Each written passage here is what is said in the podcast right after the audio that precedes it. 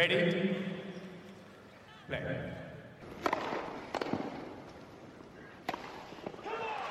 Merhabalar, Raket Servisi hoş geldiniz. Ben Gökalp. Ben Anıl merhaba. Monte Carlo finali az önce tamamlandı. Hemen kayda koştuk. Geçen hafta da kayıt alamamıştık. Onun için bu hafta kısaca geçen haftaya böyle çok kısa değiniriz ama asıl gündemimiz tabii Monte Carlo Masters olacak. Ve de Billie Jean King Cup maçlarına da tabii değin, değinmeden geçmeyeceğiz. Ee, az önce biten maçta Andrei Rublev ilk Masters şampiyonluğunu kazandı. Bugün menüde bunlar var ama Monte Carlo aslında bol hikayeli bir turnuva oldu diyebiliriz. Onun için yavaş yavaş üstünden geçeriz. Gelemeyenler, erken elenenler, karşılıklı atışan aşıklar gibi bir sürü şey vardı. Ama e, her şeyden önce hava muhalefeti de turnuvayı çok etkiledi. E, şanslarına final günü tam çiçek gibi, kartpostal gibi bir ortamda çok keyifli bir final maçı oldu. Uzun da sürdü. 3 sette bitti. O yüzden turnuva inişli çıkışlı olsa da çok smooth bir kapanış yaptı diyebiliriz herhalde. Evet ben her sene şaşırıyorum. Monte Carlo Nisan ortasında nasıl bu kadar hava muhalefeti yaşamıyor diye. Bu sene hakkını verdi hava. Hani dedi siz ilkbaharda oynuyorsunuz kendinize gelin dedi. Maçlarda sarktı. Yarı final günü de bayağı etkilendi. Ama bugün dediğin gibi final günü güzeldi. Hatta haftanın geri kalanına göre oyuncular zorlandılar bundan dolayı. Aşırı sıcak olmamasına rağmen bir anda tempo değişiyor. Nispeten sıcak olduğu için ikisi de etkilendi.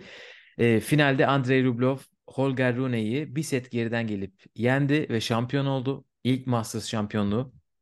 İki tane Masters finali vardı. İlki buradaydı. İki sene önce Sipas'a kaybetmişti. E, ama e, bir türlü kazanamamıştı. Bu sefer şampiyonluğu kazandı. 13. ATP kupası. Toprakta 4. E, bu, turnuvada 3 defa bir set geriden gelip kazandı. Zaten Holger Rune de yarı finalini e, Yannick Sinner'e karşı bir set geriden gelip kazanmıştı. Böyle bol geri dönüşlü bir turnuva oldu. Bu ikili arasındaki maçlar çok yakın geçmeye devam ediyor. Avustralya açıkta oynamışlardı hatırlarsınız. Rune orada 2 maç puanı kaçırmıştı. Burada da final setinde 5-1 sayısını kaçırdı. E, Rublev bir baktık geri gelmiş. İstiyorsan bu maçtan başlayalım. E, ondan sonra da Djokovic var konuşulacak. Medvedev, Zverev var. Senin az önce tease ettiğin gibi bu konulara geçeriz.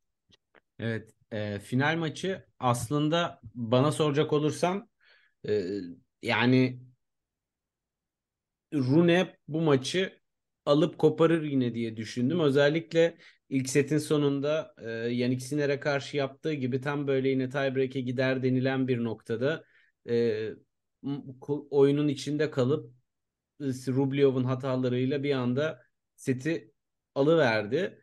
Ama ikinci sette hem oyunu düştü hem de Rublev'in hataları azaldı. Ee, zaten Rublev'in oyunu yani iki sene önce neyi konuşuyorsak hala aynı şeyi konuşuyoruz. Güçlü yanları çok güçlü, zayıf yanları konusunda e, iyileştirmekte zorlan zorlanıyor yani oyununa çok bir şey katamıyor e, bu anlamda. Bir tek backend'i biraz daha defansif anlamda etkinliği artmış gibi ama yine de hani o e, komple oyuncu olma yolunda daha atması gereken adımlar var. Portfolyosunu hala e, aynı kullanıyor. E, Mental anlamda Rublev'u çok eleştiriyorduk. Hani kendini çok bırakabiliyor, acayip zarar verebiliyor kendine artık, diye. Evet.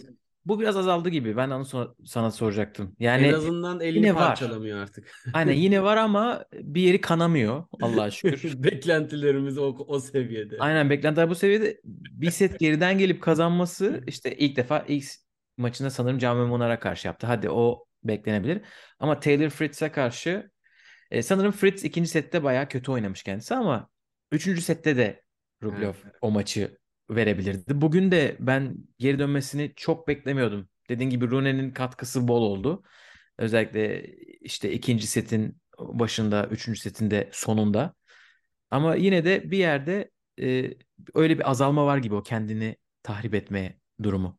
Evet yani e, özellikle sanırım artık bir Masters kazanmak istiyorum kafasına çok girmiş ve hadi oğlum burada saçmalama burası Masters gibi e, kendini böyle telkinlemiş bir e, havası vardı. E, Rune de e, tam tersi böyle bir gerginlikleri vardı. Yarı finalde de gergindi bir ara. E, ama e, bu maçta bence fiziksel olarak bacakları işte seninle de konuşmuştuk zaten maç Evet. sırasında bitik olduğu için biraz onu böyle bir çaresizliğiyle ya ne yapsam da vücuduma bir adrenalin katsam da bir e, tekrardan böyle tempoyu toparlayabilsem tarzı bir çırpınışları vardı. Yoksa hani e, şey yoktu. Yani maçı alacak gibiyken vücut bitti. Vücut bitince gözünün önünde maç gitti ve sinirlendi. Hani bu bence olabilir bir şey. Yine kontrollü bir şekilde topları havaya fırlattı neyse ki. Başka bir skandalla baş başa kalmadık. Ama Evet e, Holger ben bayağı övmüştük geçen sene Paris'te hatırlıyor musun? Fiziksel olarak kendini ne kadar çabuk evet geliştirdi diye. Çünkü orada da 3 setlik çok maç oynamıştı. Ee, ama bu sürekli gelecek demek değilmiş. Yani bunu tekrar tekrar görüyoruz. O fiziksel yükseliş işte kramplarla uğraştı 3. sette. evet Ondan çok korktu. Bana bir şey gönderin diye bağırıyordu bir ara takımına. Hani bu Paris'te oldu ama orası mesela bir kapalı kort turnuvası belki onun daha az nüksedeceği bir yer. evet. E, bu böyle yerlerde ki bir maç az az oynadı mesela bu turnuvada. Bir de e, daha erken bitiren taraftı dün maçını. Evet. Ona rağmen fiziksel sıkıntılar yaşayabiliyor. Yaşamasa maçı bırakmayacak gibiydi. Yani e, maçı bırakmayacağı gibi zaten hani maçı kaybetmesi aslında çok zordu. Çünkü Rublev'un e, yapacağı ve yanlış yapacağı şeyler çok bariz bir şekilde ortadaydı. E, return'leri erken alıyor Rune. E, backhand tarafına doğru çapraz geri gönderiyor özellikle avantaj tarafında. Oradan baskıyı kurup hataya zorluyor Rublev'u. Rublev'u hep e, paralel backhandlere itip hani rally'nin yönünü değiştirmeye Rublev'in tek yapabileceği oydu. Yani forehand rally çapraza geçsek de e, biraz bir şey yapsam diye tek umudu oyken düştü oyundan. Bunlar olabiliyor. Neyse ki bir sakatlığı yok ama hani geçen hafta e, Alcaraz'ın da çekilmesiyle beraber e, konuşmuştuk. Yani 19 yaşında dipçik gibi olmaları lazım. Böyle e, çok kramplar, fiziksel durumlar e, çok iyi işaretler değil. Bakalım Alcaraz Barcelona'da hazırlanıyor. Katılacak oranın tabii bir numaralı seri başı ama e, orada da neler olacak merak ediyorum. E, Evet, fakat 19 yaşı demişken Holger Rune bugün kazansaydı Nadal'dan beri en genç isim olacaktı Monte Carlo'yu kazanan. Nadal bunu 2006'da 19 yaşındayken başardığında 5 setlik bir maç kazanmıştı. Hani fiziksel olarak farkları da böyle belki hatırlatmak lazım. Ben bence çok doğru bir noktaya e, parmak bastın. Hani Masters kazanmak günümüzde daha kolay. Yani 5. set 7-6 biten bir maç. ama Rune adına hani turnuva Pardon genelinde 4, 4 pardon 4 setlik maç ama 4. set 7-6. Rune'nin bu turnuvada bence e, en çok övmek istediğim tarafı stratejik yaklaşması. E, özellikle Siner maçında ilk sette ben bu seti alamayacağım. Kendimi yormayayım. İkinci setten itibaren tempoyu yükselteyim. Karşı tarafın da biraz e, oyununu ve odaklanmasını düşüreyim bana hissettirdi. Bunlar özellikle Grand Slam seviyelerinde çok çok önemli taktiksel kararlar. Hani e, best of three oynarken işte bütün maçı asılayım ne kadar erken kapasam o kadar iyidir e, mantığı çalışabiliyor. Ama slamlerde e, bu sette pilimi bitirmeyeyim. E, alsam bile sonrasında çok enerjim kalmayacak deyip böyle vücudunu daha akıllıca kullanmak önemli stratejilerden bir tanesi. Bu beni benim açımdan Rune için e, bir böyle artı yazdı haneye Roland Garros öncesinde. Evet bugün de bence gözle görülür taktik değişiklikleri vardı. Çok fazla fileye shotları çekti. Fileye Evet evet drop shotlar çok hem yani bir de çok taktik sadece yetmiyor tabii ki. Çok güzel drop vuruyor. Hani Evet. Rublev da drop shot denemeye başladı. Aynı Eğlendik. yani aynı etkinlikte olmadığı ne kadar belli olabilir? Bu kadar belli oluyor. Hani e, çünkü iki taraftan da çok rahat vurabilen bir isim. Yani Evet. rakip- rakibine göre iki kanatta daha özgüvenli. E, belki forehand'i Rublev'dan daha iyi değil ama backhand'i daha iyi. Hani iki, aslında arkadan oynayabilir ama maçın öyle gitmemesi gerektiğini daha çabuk anladı. Return'lerde daha öne geldi. Orada enerjisinin bitmesinde e, payı vardır. E, daha atak oynamaya başladı. Bence de onları görmek eğlenceli. Hani Toprak zaten bunlara daha izin veriyor. E, taktik değişikliklerini görmeye. E, Siner maçında da vardı bu. E, bu maçta da e, gücü yetmedi ama en azından taktik değiştirebildiğini gördük. Ya zaten elit seviye oyuncuları e, diğerlerinden ayırt eden bu ve Big Three sonrasındaki en büyük o jenerasyon boşluğundaki sıkıntının baş sebebi bu. Yani e, bu, bu kararları almak, uygulamak, bu tenis zekasını göstermek çok önemli. Rublio ne kadar portfolyosunu genişletiyor her sene? Hiç neredeyse ve e, hani bizim bugün Masters kupası kazandı ama biraz da e, ortamın boşluğundan e, faydalanarak e, biraz da ama yani Ama bazı değişiklikler var. Onları ya mesela 2-3 sene önceyi düşünürsen her topu winner gibi vurmaya çalışıyordu bence. doğru diyorsun. Yani oyunda tutmaya çalıştığı tempoyu- sekanslar oluyor. Ee, daha fazla spine oynayabiliyor.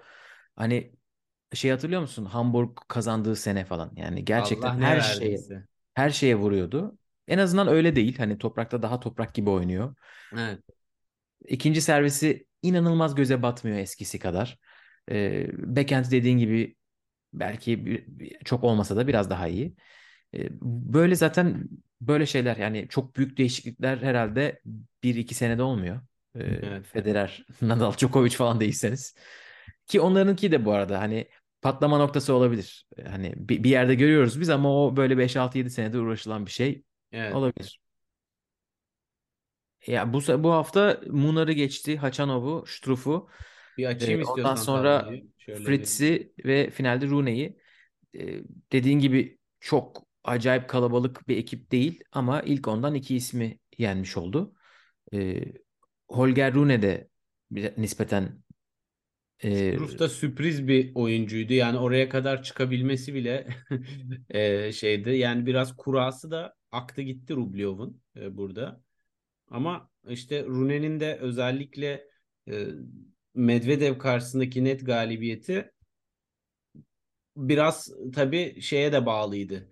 E, Medvedev Zverev maçı çok geç bitti ve günün ilk maçına koydular. Medvedev Rune'yi biraz bitik bir Medvedev'le oynadı orada. evet Holger Rune çünkü çiftlerde de yarı finale yükselmişti. Çiftler maçı da oynayacağı için Medvedev Rune maçını son maça koymadılar. Üçüncü maç yaptılar. Sonra Rune çiftler maçından çekildi. Böyle bir şey oldu. E, boşu boşuna üçüncü maçta oynamış oldular. E, Rune nispeten bitik bir Medvedev'e karşı rahat bir galibiyet aldı. Ama onun için haftanın en iyi maçı yarı final maçı diyebiliriz. Yannick Sinner'e Tabii. karşı. İlk seti 6-1 kaybettikten sonra 7-5 7-5 kazandı. Burası fizikselden çok mental gibi. Ne diyorsun? Ee, kesinlikle mental yönü e, çok zorlayıcı bir maçtı. Çünkü e, zaten şey de var ikisi arasında. Hani yeni neslin 3 altın çocuğunun ikisinin mücadelesi burada. Siner Alcaraz, Alcaraz Rune, Siner Rune maçlarının jenerasyon olarak birbirlerine yakınlığından dolayı hep ay- ayrı bir ilave bir e, önemi oluyor. Ve burada e, Siner gerçekten oyun olarak her hafta e, biraz daha beni etkilemeyi başarıyor. Çünkü bu kadar kortun içinde kalıp rakibin hızını kullanmayı başararak oyunun temposunu çok güç değil ama fizik kanunlarını doğru kullanarak değerlendirebildiği bir noktada Rune gibi seri vuruşlarla rakibine aslında çok da zaman vermeyerek e, sayıları kazan kazanmaya çalışan bir isime karşı çok dominant başladı. Bundan dolayı da e, buradan çıkış bulabilmesi Rune'nin oyunundaki varyeteyi arttırıp işte e, kısa toplar, loblar, passing shotlar yani böyle birçok şeyi yapmaya denedi ve e, aslında kırılma anlarında fark ortaya çıktı tabii ki. Özellikle maçın sonunda e, yapabildiği şey Siner'e göre maçı büyüklüğünü dikkate almadan vuruş riskini çok arttırmadan ama çok da güvenli oynamayarak domine etmeyi başardı. Çünkü Siner ne zaman biraz aman dur e, şu anda biraz daha sakin oynayayım dediği noktada hemen tepesine çöktü. Hemen tepesine çöktü. Bundan dolayı da Siner'i biraz da hataya zorladı. Özellikle e, hangi oyunu tam hatırlamıyorum ama ha, tabii son oyun 30-0 öndeydi Siner. ve orada Siner sırf alan vermeyeyim diye topların derinliğini azaltmamaya çalışıp yavaş tempo yapmaya çalışırken e, şey yaptı. Hatalar geldi. Basit hatalar geldi ve maçı Rune öyle kazandı. Yani bu tabii ki karşı taraf üzerinde kurabildiğin baskı ve rakibe kendi oyununu ve seviyeni kabul ettirmek. Bu çok büyük bir mental başarı. Evet ve e, sanki bu gitgide aralarındaki belirleyici faktör olmaya iyice belli oluyor yani o, o iyice öne çıkıyor. E, Sinir Alcaraz maçında da bunları konuşuyoruz. Eğer bir taraftan bir tarafın yani fiziksel olarak bir sıkıntısı yoksa, iş mental güce kaldıysa Sinner ne yazık ki biraz arkada kalabiliyor. En azından son maçlarda böyle oldu. Bakalım bu bir trend olacak mı? Bu böyle olacak anlamına gelmiyor tabii ki. Tabii. de bence bu anlamda kendini geliştirdi. Hatta Indian Wells ile Miami arasında bile fark vardı. Ee, ama bu maçta yanında inanılmaz seyirci desteği varken çünkü muazzam bir atmosfer vardı. Yani Monte İtalya'da Carlo ile oynasa bu kadar destek alır zaten İtalyan oyuncular açıkçası. Ha, onu diyecektim zaten e, kulübün İtalya sınırına e, mesafesi 10 kilometre bir şey. Öyle olduğu için e, Fonini oynarsa, Tabii. Sinner oynarsa ki Sinner Musetti maçı oldu. İyice İtalya'da çok büyük bir duruma geldi turnuva bu hafta. Acayip bir seyirci desteği vardı. E, o belki Sinner'i de bu arada eksik. Berrettini sakatlandı çekildi. Sinir'i biraz daha maçta tutmuş bile olabilir. Hani daha erken bitecek bir maçı 7-5'e taşımış olabilir ama Holger Rune için gerçekten çok iyi bir maçtı. E, finalistleri konuştuk. İstiyorsan e, yavaştan turnuvanın büyük şeylerine geçelim. Maçlarına, haberlerine geçelim. Çünkü dünya bir numarası dönüşünü burada yaptı. Avustralya açık şampiyonluğundan sonra Djokovic ilk defa Monte Carlo'da oynadı. İlk maçını kazandı Ivan Gahov'a karşı. Ki orada da zor bir e, ilk set oynadı. Çok da mutlu değildi açıkçası. Ki Gahov'u e, geçen hafta e, yani not almıştım. Saçma sapan bir şeyler yaşıyor şu anda kendisi. Dünya 250-300 numarası ama yedek listedeyken Girona Challenger'a girip Girona Challenger'ı kazanıyor. Ertesi hafta yedek listedeyken Monte Carlo elemelerine giriyor yedekteyken. Elemeleri geçiyor ve ilk turu geçiyor. Yani Ma- Mackenzie McDonald'ı yenip. E, Djokovic maçına çıktı ve artık zaten izlediyseniz maçı e, hani ben burada keyfine oynuyorum modundaydı. Dünyalığımı yaptım tadında. Ve o da çok tehlikeli bir mod gerçekten. Evet, her Her- şey olabilir. Hani hiçbir baskı yok. Kaybedecek hiçbir şey yok. Djokovic'i zorladı. E, 7-5 7-6 mı bitti ilk set? İkisinden böyle zor bir ilk 7-6. setti. 7-6 tiebreak oynandı. Tiebreak 7-5 bitti. Dediğin ikisi de doğru. Sağ ol, teşekkür ederim. Djokovic o maçı kazandı. Sonra Musetti'ye çarptı. Valla ben Evet, şaşırdım. Ee, şöyle yani Muzetti için yağmur araları oldu. İlk seti kaybetti. Tam böyle momentumu eline alıyor gibiydi. Acaba Muzetti böyle lanet olsun deyip oradan seti verip te- e, maçı kaybedecek mi derken bir anda Djokovic'in fiziksel olarak durumunda bir düşüş vardı bence. Zaten Evet, hani dirseğinde zaten bir dirseğinde şey bir vardı. sorun olduğunu aynen biliyorduk. Ama hani Djokovic bu e, biyonik adam hani biraz Anakin Skywalker gibi e, tek iki parmağı kalsa da o kortta bir şekilde mücadele eder tadında bir e, savaşçılığı var. Ama e, Muzetti mental olarak zaten basın açıklamasında da sonrasında şeyi çok net söyledi. Hani bir şeyler çok doğru gitmiyor Djokovic tarafında gibi görüyordum ama Hani bunu düşünmedim kesinlikle. Çünkü böyle düşündüğün anda Djokovic gibi bir isim hani hangi durumda olursa olsun ne yapıp ne edip maçı alabilir. Dolayısıyla sadece ne yapmam gerektiğine ve nasıl oynamam gerektiğine taktiksel olarak odaklandım e, dur, o durumda dedi.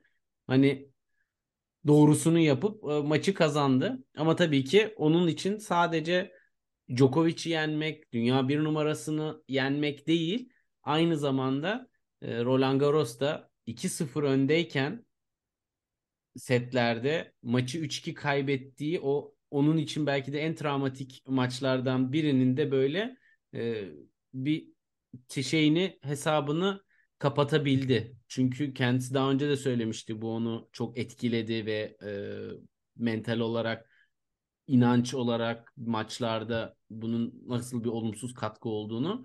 Hani o anlamda bir rahatlamıştır. Hani Ivan Gakov'un e, Djokovic karşısında yaşadığını bence Muzetti Siner karşısında yaşamıştır yani.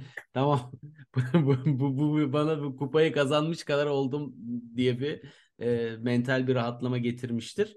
Djokovic için toprakta ilk maç e, uzun süre sonra ilk turnuva hani normalde biz Djokovic'in çok alışığız. Böyle oynamayıp oynamayıp maç maç temposunu yükselterek kazanması ki bunu Belgrad'da da yapmıştı daha önce. Ee, iyi başlamayıp evet, turnuvaya yine kupaya gitmişti. Ee, ama burada duvara tosladı. Umarım fiziksel sıkıntısı çok ciddi değildir. Yani evet, benim şaşırdığım bu arada Monte Carlo'da zaten herhalde son senelerde en başarısız olduğu e, Masters olabilir. Evet. 2015'ten beri kazanamıyor. E, burada erken elendiği garip maçlar da var. İşte böyle Dan Evans'a falan kaybetmişti. E, onun için hani erken elenmesine değil Muzetti'ye elenmesine biraz şaşırdım. Çünkü hatta yani böyle kendi aralarındaki maçlarda net bir üstünlük olur. Hani dediğin gibi e, işte Biyonik adam karın yırtığıyla Grand Slam kazandı.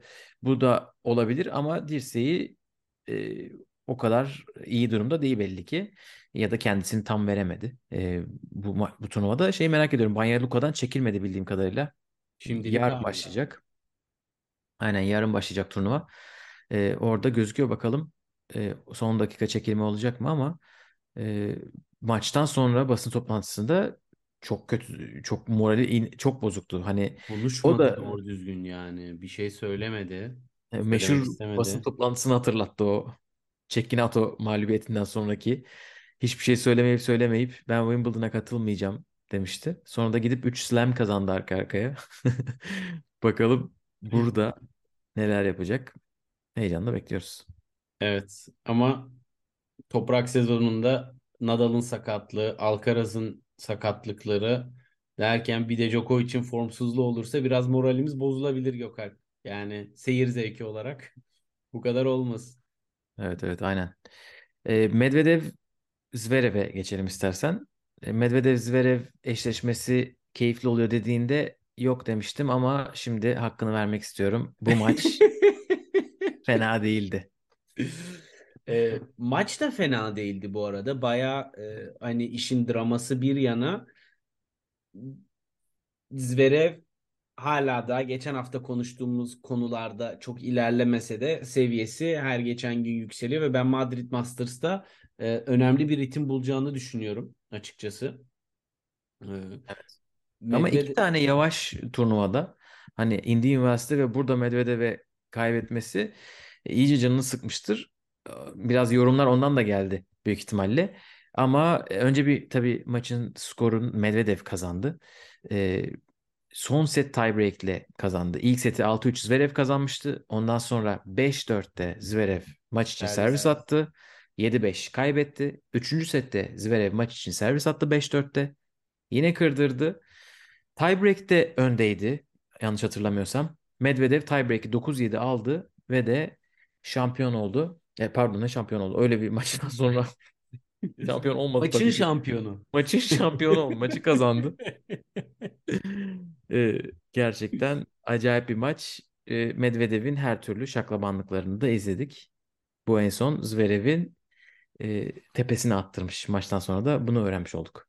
Evet basın açıklamasında da e, Zverev çok kısaca söyleyeyim. İşte zaten Medvedev böyle işte kaybederken rakibi oyunu bozmak için her türlü garip yollara başvuruyor gibi böyle genele genellemeci bir e, Medvedev'in kötü bir kaybeden olduğunu ve kötü bir kazanan olduğunu belirten bir e, demeç verdi.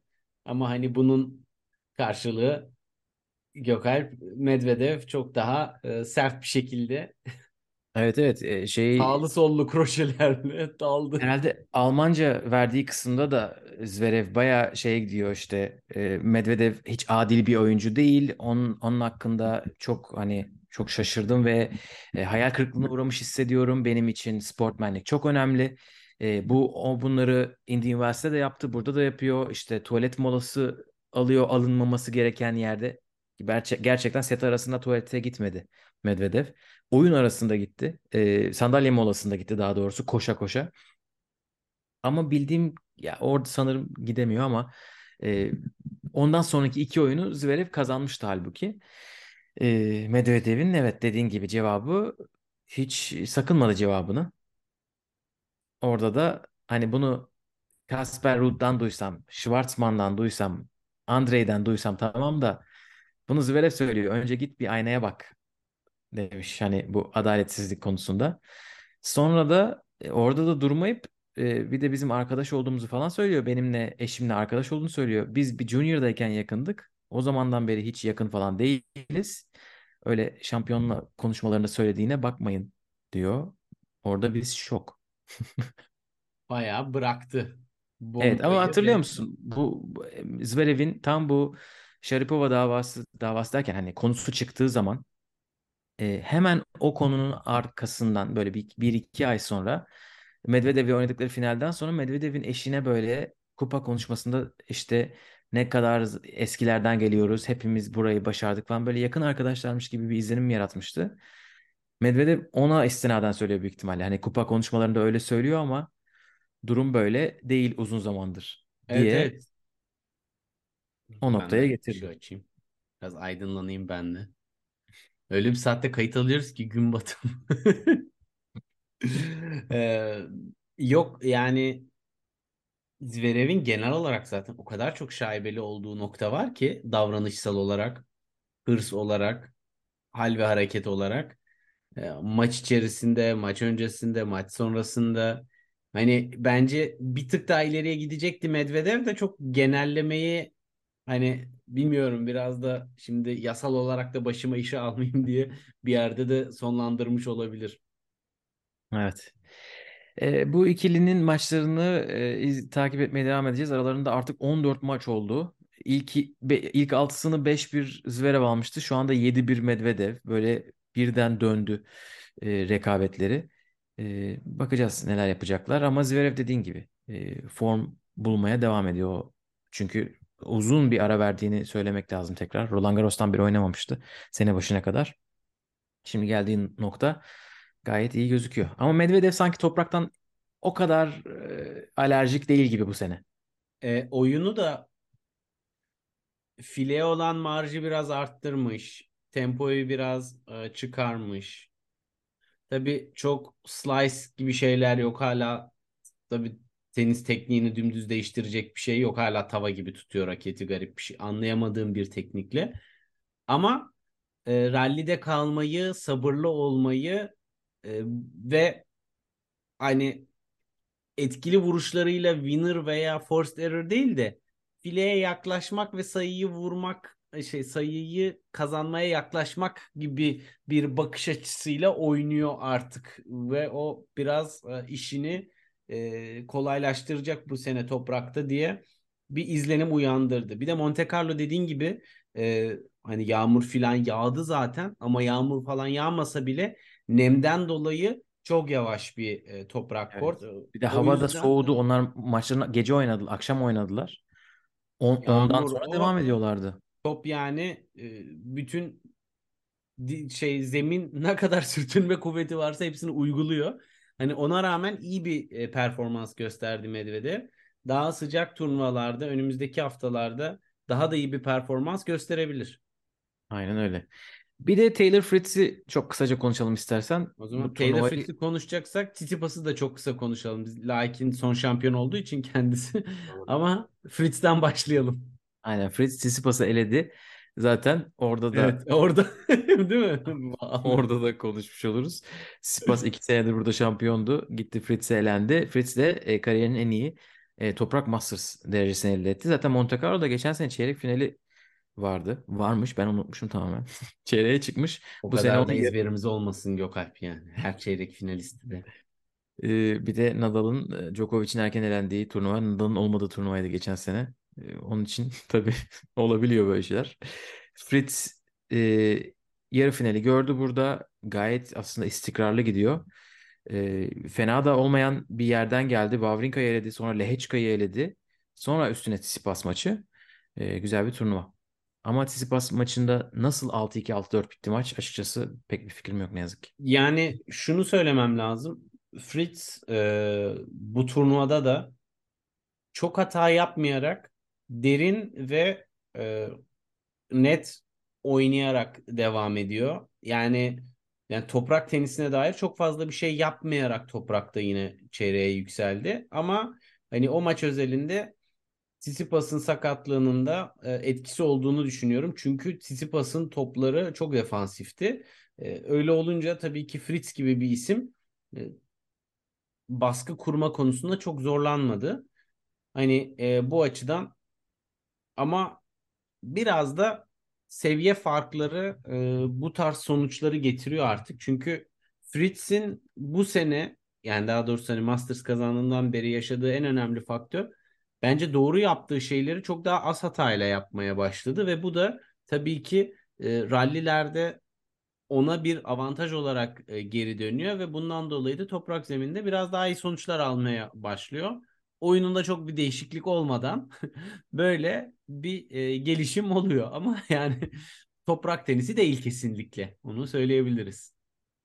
Evet onu Roma'da, Paris'te görürüz bakalım neler yapacak. Ama bu seneyi Masters'ta çeyrek, çeyrek ve yarı ile açtı. Bakalım nasıl devam edecek. Evet. e, Monte Carlo'ya dair var mı eklemek istediğin bir şey yoksa yavaştan kapatabiliriz gibi. Bence yavaştan kapatabiliriz deyip bir e, Antalya'ya doğru mu geçelim? Nereye geçelim Gökalp? Şöyle bir sıcak Antalya'dan denizlere. önce Billie Jean King Cup'ın bir e, finallere kalanları bir konuşalım istersen. E, yukarı taraftan bir başlayalım. Antalya'da oynandı ya o yüzden zaten e, hani direkt Evet, yo, o Avrupa elemeleri Antalya'da oynandı. Bir de tabii dünya finallerine kalma maçları oynandı her ülkede. O- onu kazanan e, işte 9 ülke var. 9 ayrı yerde eşleşmeler oynandı. İspanya Meksika'yı geçti. Çekya Ukrayna'yı geçti. O maç Antalya'da oynandı. onu diyorum. Pardon. Fransa Fransa Britanya'yı geçti. Kanada Belçika'yı geçti. Amerika Avusturya'yı, İtalya Slovakya'yı, Almanya Brezilya'yı, Kazakistan Polonya'yı, Slovenya'da Romanya'yı geçti. Antalya'dakine dair yorumlarını lütfen. Evet ya öncelikle bence e, hani böyle bir eşleşmenin savaş dolayısıyla da olsa Antalya'da oynanması hani tenis severler için çok güzel bir fırsat. Çünkü e, hem Ukrayna tarafında hem de e, Çekya tarafında bayağı sağlam kadrolar gelmişti. E, Burada zaten hani bizim açımızdan belki de en önemlisi e, turnuva maçlar oynanmadan Barbara Krejcikova'nın dünya 12 numarası kendisi yaptığı açıklama. Buradan kazanacağı parayı depremzedelere bağışlayacağını e, açıkladı. Yanlış anlamadıysak e, Tenis Federasyonu'nun e, kampanyasına kampanyası üzerinden e, bu desteğini yapacak. Gerçekten rakip de aslında hani Ukrayna savaş bölgesi oraya dair bir şey yapabilecekken böyle bir şey yapıp e, depremzedelerin bizim yaşadığımız felaketin farkındalığını arttırması tabii ki böyle kocaman kalp yaptık herhalde hepimiz çok e, sevindik e, bu manevi destek ve maddi mane- manevi desteğin maddi desteğe dönüşmesine. Evet. Sonuç olarak Çekya kazanınca da ayrı bir gönlümüz ferahladı diyebilirim. Evet zaten ya inanılmaz bir kadroyla geldiler. 1 ve 4 numaraları yoktu sanırım. Ya da 2 ve 3 numaraları. Hani onlar olmadan e, Muhova, Vondrousova, Krejcikova buradaydı. E, bir de gençleri Noskova ve Beylek de buradaydı. Hani inanılmaz bir kadro. Keşke e, izleyebileceğimiz böyle nasıl diyeyim tribünlere olan büyük bir komplekste e, duyurulsaydı maçlar. E, benim haberim maçların oynanmasına iki gün kala oldu. E, tamamen şans eseri Ukrayna Çekya'nın Antalya'da oynanacağını fark ettim. Ben basın toplantısıyla beraber öğrendim. Evet. E, Krejcikova'nın hareketi de gerçekten dediğin gibi ekleyecek fazla bir şey yok. Świątek onu paylaşmış. Hani Świątek çok e, depremle alakalı paylaşım yapmamıştı zamanında. Krejcikova'yı böyle tebrik edercesine e, Twitter'dan o da bir paylaşım yapmış. E, bu az önce okuduğum e, ülkeler sene sonu finallerine kaldılar. Sene sonu finallerinde bu senenin şampiyonu olmak için yarışabilecekler. E, burada tabii hikayelerden birisi buydu. Birisi e, Kazakistan-Polonya maçıydı. Świątek gitmedi. E, Stuttgart'a gitti. Onun yerine erkenden. E, Rybakina oynadı ama e, onun için Rybakina biraz fazla mesai yapıyor. E, Putintseva ile beraber direkt 3-0 yaptılar Polonya'ya karşı ve rahat aldılar eşleşmeyi. Fransa-Britanya çok e, yakın bir eşleşme oldu. İlk iki maçı Fransa kazandı ama ilk iki maçta 5 tiebreak oynandı. Öyle bir eşleşmeydi. Ee, en duygusal tarafı da herhalde Slovenya. Ee, Slovenya'da oynandı Slovenya-Romanya maçları. 2-0 Romanya öne geçti. Ama Slovenya geri döndü. 3-2 ile kapattı. Hatta son maçta bir set geriden geldiler. Ee, Kaya Yuva'nın performansını söylemeden geçmeyelim. Çünkü Yuvan çok duygusal. Ee, bir paylaşım yapmıştı bundan önce, bir hafta önce. Babasını kaybetmiş geçen senenin sonlarında. Ve e, hani onun yasını tam tutamadım diyor. Ve tura tam zamanlı devam etmeyecekmiş. Hani artık biraz hafifleteceğim kendime gelene kadar programımı diyor. Burada da çok kritik iki galibiyeti var. İkinci tekler galibiyeti. ilk maçını kaybetmiş ve çiftler galibiyeti onu çok sevindirmiştir. Dünya grubu bu durumdaydı. Avrupa grubu bir de biz yarıştık. Acayip bir mücadele. Bizim grubumuzda Macaristan ve Hollanda da vardı. Macaristan'ı yendik. Geçen senenin grup birincisini. Ee, İpek'le Berfu çiftlerde çok tecrübeli isim Bondar ve Galfi'yi geçtiler ki Bondar ilk 50 çiftlerde. Onu, o maçın sayesinde Macaristan'ı geçtik. Tabii Zeynep de tekler maçını aldı Galfi'ye karşı. Zeynep Ee, için o en yüksek sıralamalı galibiyet oldu. Zaten. Evet Galfi teklerde ilk yüzde. Ee, Zeynep'in o galibiyeti ve Berfu ile İpek'in çiftler galibiyeti e, Macaristan eşleşmesini bize getirdi. Bütün 3 grup, 3 takım 3 galibiyet bir mağlubiyetle tamamladı grubu. Şaka gibi gerçekten ya. Evet, üç, üçlü averaja bakılmak zorunda kaldı. Macaristan bir fazla maç kazandığı için onlar direkt birinci oldular. Sonra Hollanda ile Türkiye arasındaki maça bakıldı. Hollanda da Türkiye'yi yendiği için ikinci oldular. Biz grubu e, üçüncü tamamladık. Yine bu grupta mücadele edeceğiz seneye. Yükselemedik ama bildiğim kadarıyla Türkiye'nin en iyi performansı tarihteki. Yani bir dünya grubuna yaklaşık olan birinci grupta Bu kadar üç- hiç yaklaşmamıştık ve ucundan kaçırmakta o yüzden bayağı Aynen Evet, terfi eden takımı yendik ama bir türlü gidemedik. Yani böyle olabiliyor. Ee, Macaristan bizim grubun birincisi olarak İsveç de diğer grubun birincisi olarak e, yükseldi. Hollanda da playoff'u kazandı Sırbistan'a karşı çiftler maçında e, çok yakın bir maçta kazandılar. Ama bu hafta Zeynep iki tekler maçı kazandı. E, biri Galfi'ye, biri e, Hollanda'da Kerkove'ye karşı olması lazım. İkisi de çok iyi galibiyetler. E, Çağla'yı izledik. Çağla da e, iki maç kazandı. E, bir maç kaybetti grupta yanlış hatırlamıyorsam. İpek 3 tekler maç oynadı. Birini kazandı. Biri Anabondar'a karşıydı.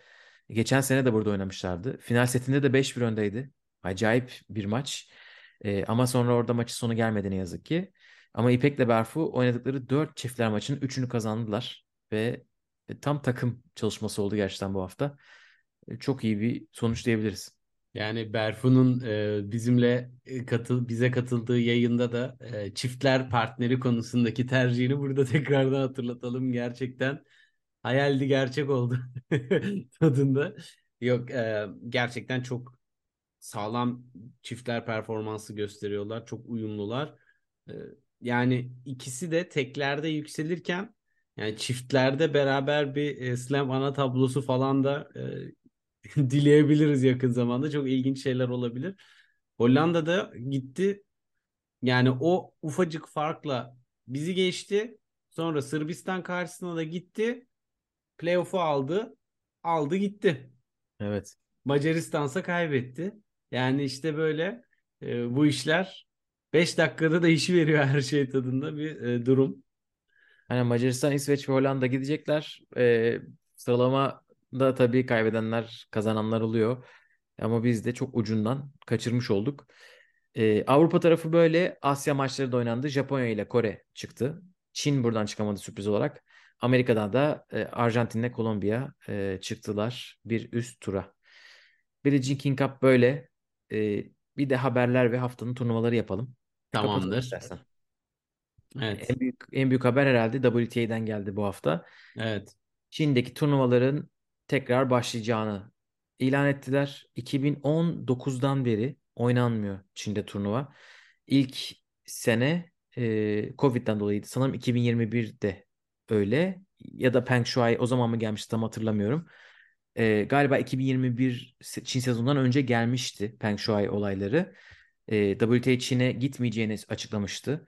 E, Peng Shuai ile direkt olarak iletişim istemişlerdi. E, ve bunun onun söyledikleri hakkında bir soruşturma istemişlerdi. 2022'de tekrar gitmedi WTA Çin'e ve bu onlara çok büyük finansal zarar getirdi. Çünkü senenin önemli turnuvaları iki tane Masters ve bir tane sene sonu finalleri turnuvası Çin'de düzenlendiği için e, büyük darbe yemişlerdi. Sonunda dönüyorlar ama çok e, dürüstçe bir açıklamayla hani biz istediğimizi elde edemeyeceğimizi anladık. Hani bu- bunu yapamıyoruz ve e, bunu başka yollardan yapmaya çalışacağız. Ama aynı zamanda hani e, elde etmemiz gereken şeyi yolu bu değil. Hani başka şeyler deneyeceğiz diyorlar kısaca. Ve de Çin'e dönülüyor. E, bakalım nasıl bir dönüş olacak. Yine de insanlar benim gördüğüm kadarıyla WTA'nin dönmek zorunda olduğunun biraz farkında.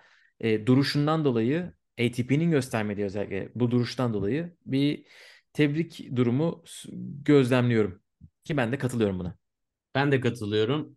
Yani e, küresel olarak paranın her şeyi e, belirlediği, neyin önemli, neyin önemsiz veya işte hangi e, etik değerin ön plana çıkarılmasını paranın belirlediği bir dünyada bu kadar çarkların tersine bir hareket yapabilmiş olmak ve bunu bu kadar uzun süre e, sürdürmek çok değerli bir çabaydı ama işte günümüz dünyasının gerçeklerini de bir kez daha gözler önüne seriyor. Hani ben mi kurtaracağım ya dünyayı moduna girdiler ve onlar da vazgeçti bu sevdadan.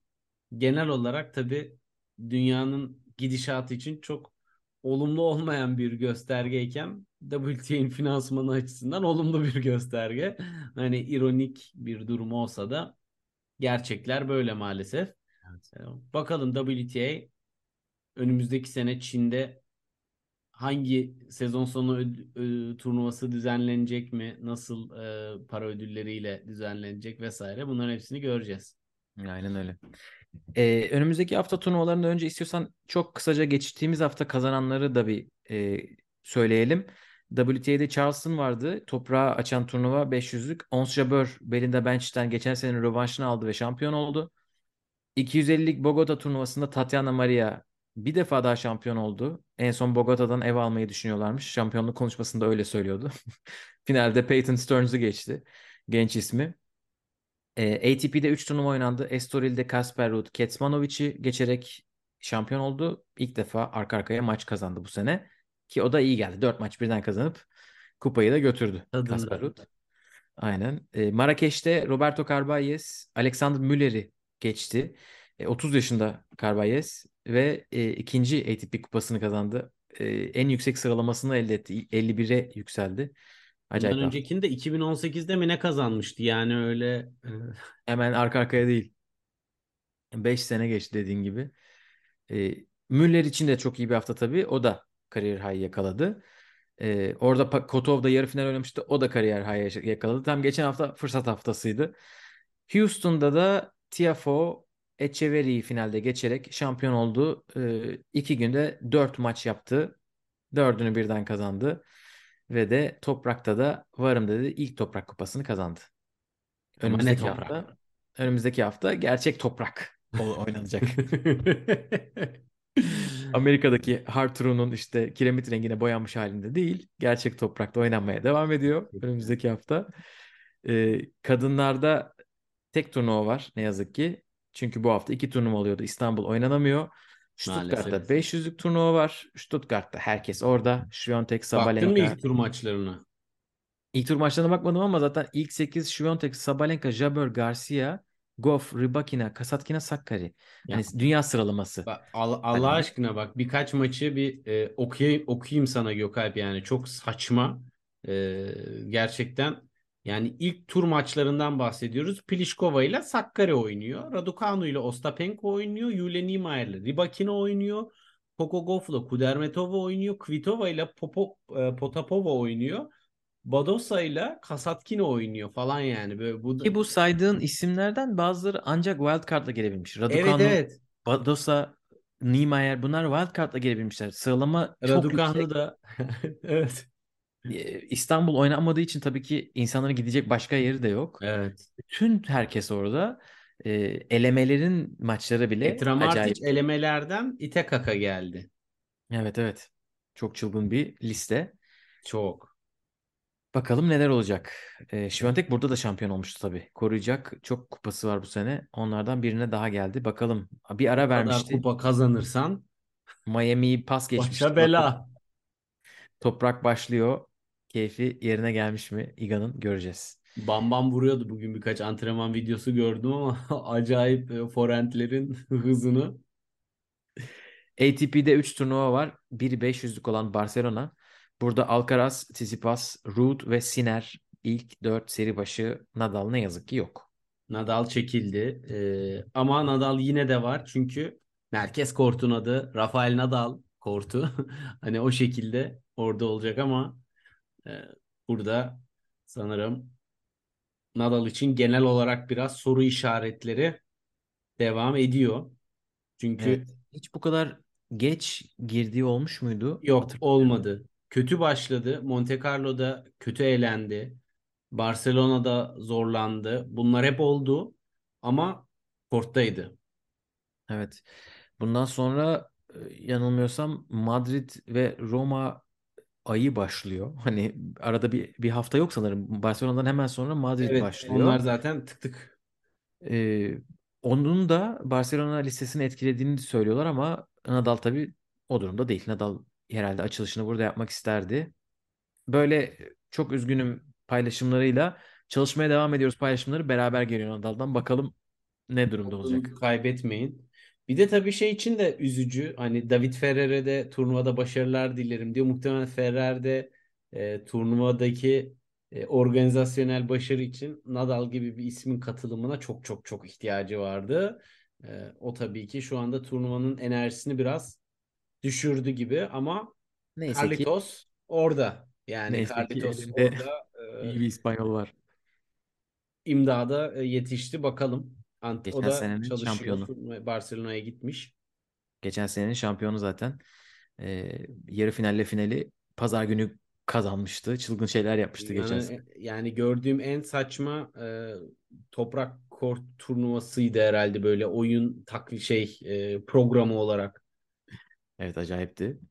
Ee, Barcelona'da bu isimler var. Münih'te 250'lik turnuva oynanıyor. Bakalım Holger Rune çekilecek mi? Çekilmezse bir numaralı seri başı Fritz Zverev ve bay geçiyor zaten. Hani en erken çarşamba oynatırlar gibi. evet Fritz Zverev ve Van de Zandschulp diğer seri başlarını oluşturuyor ilk dörtte. Team de burada. Bu Aynen. arada team'den de çok ufak bir e, haber. E, şu andaki sıralamaların netleşmesiyle beraber Roland Garros'a e, ana tablodan katılmayı garantiledi. Yani wildcard'a ihtiyacı olmayacak. Hani bu da onun için Münih turnuvasını biraz rahatlatacaktır. Hani dediğin gibi team'e mi wildcard vermeyecekler de e, hani yine de o kendi şeyiyle katılma e, psikolojisi tabii ki başka. Tabii. E, bundan dolayı da biraz rahatlamıştır. Ama Münih'te de 250'lik bir turnuva için fena bir kadro yok. Evet, güzel bir turnuva zaten. Münih böyle hep e, böyle güzel izlemesi güzel bir turnuva olarak aklımda. Yanında bir araba, işte iyi i4 maçlar var. olur. Bu sene i4 yok Alp. Elemelerden gördüm. İyi maçlar oynanıyor genelde. E, sürekli olan bir turnuva. Organizasyonu güzel. Böyle şeyleri izlemeyi seviyoruz. E, bir turnuva daha var. O da Banja Luka'da e, Bosna Hersek'te oynanacak. E, Srpska Open adından da anlayacağınız, tahmin edeceğiniz gibi Djokovic burada. Bir numaralı seri başı. Bakalım çekilecek mi? Rublev 2, Çoric 3, Kecmanovic 4. E, bu Belgrad'ın aslında lisansının sahip olduğu hafta. Aynı ekip bildiğim kadarıyla turnuvayı düzenliyor. Belgrad yerine bu sene Banja Luka'da düzenliyorlar. Bunun Ee, bir sen biliyor musun sebebini? Ben bilmiyorum açıkçası. e, ben de bilmiyorum e, neden Banyoluka'yı seçtiklerini ama aynı ekip olması lazım. Adria Tur'da Bosna'ya da gitmek istiyorlardı. Sanki orayla bir şey var, sürekli bir bağ var gibi ama çok da bilmiyorum açıkçası. Bölgenin coğrafyasını da şimdi biraz inceleyeceğim. Çok ilginç bir arada bir yer yani. Nasıl bulmuşlar orayı organize etmek için? Ee, Bosna Hersek'teki Sırp eyaleti olması Evet. lazım. Banyoluka'nın olduğu yer. Böyle bayağı özerk bir bölge gibi bir yer orası. Evet, özerk galiba. Neyse bunları Srpska göreceğiz. diye geçiyor. Bakalım. Bir hafta Aynen. süremiz var. Okuruz. Aynen. Bunları öğre- öğreneceğimiz bir hafta olacak. İstiyorsan burada kapatalım. Tamamdır. O Evet. zaman bol maçlı bir hafta olacak. Ee, ekranlarda canınız sıkıldıkça açarsınız. Aynen. Güzel sonraki maçlar bizi Hafta bekliyor. görüşmek üzere. Kendinize iyi bakın. Hoşça kalın. Hoşçakalın.